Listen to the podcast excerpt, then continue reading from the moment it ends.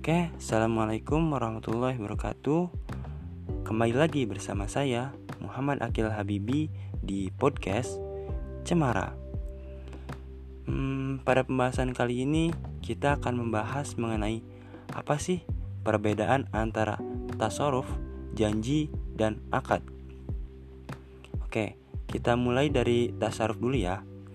Jadi, tasaruf itu menurut Mustafa Azak Azarko itu mendefinisikan bahwasanya tasaruf itu adalah segala sesuatu atau perbuatan yang bersumber dari kehendak seseorang dan syarok menetapkan atasnya sejumlah akibat hukum, hak, dan kewajiban. Nah, jadi kalau tasaruf itu uh, bersumbernya itu dari kehendak seseorang dan syarok gitu yang menetapkan sejumlah uh, akibat atau hukum akibat hukum hak atau kewajiban gitu. Lalu selanjutnya ada akad. Nah, akad ini yakni ikatan atau kontrak antara satu atau dua kelompok dalam satu waktu dan eh, keduanya itu mempunyai kewajiban yang harus ditunaikan. Akad juga sebenarnya uh, punya ini punya syarat yang harus uh, syarat dan ketentuan yang harus dipenuhi gitu.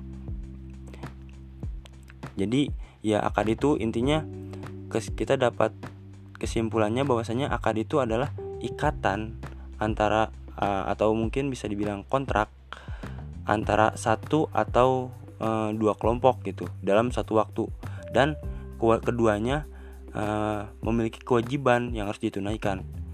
Lalu yang terakhir ada janji. Nah, janji itu uh, yakni apa? Ikatan antara satu pihak dengan pihak yang lainnya, yang di mana di sini tuh hanya salah satu pihak yang harus menunaikan kewajibannya. Nah, kalau mungkin tadi di akad itu uh, ke semua pihaknya itu mempunyai kewajiban yang harus ditunaikan.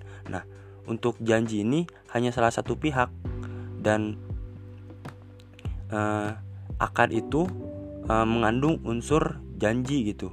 Karena dalam akad itu ada uh, terdapat unsur janji dan uh, janji itu tidak bisa dikatakan akad gitu karena akad sendiri mempunyai syarat-syarat dan ketentuan yang harus dipenuhi gitu.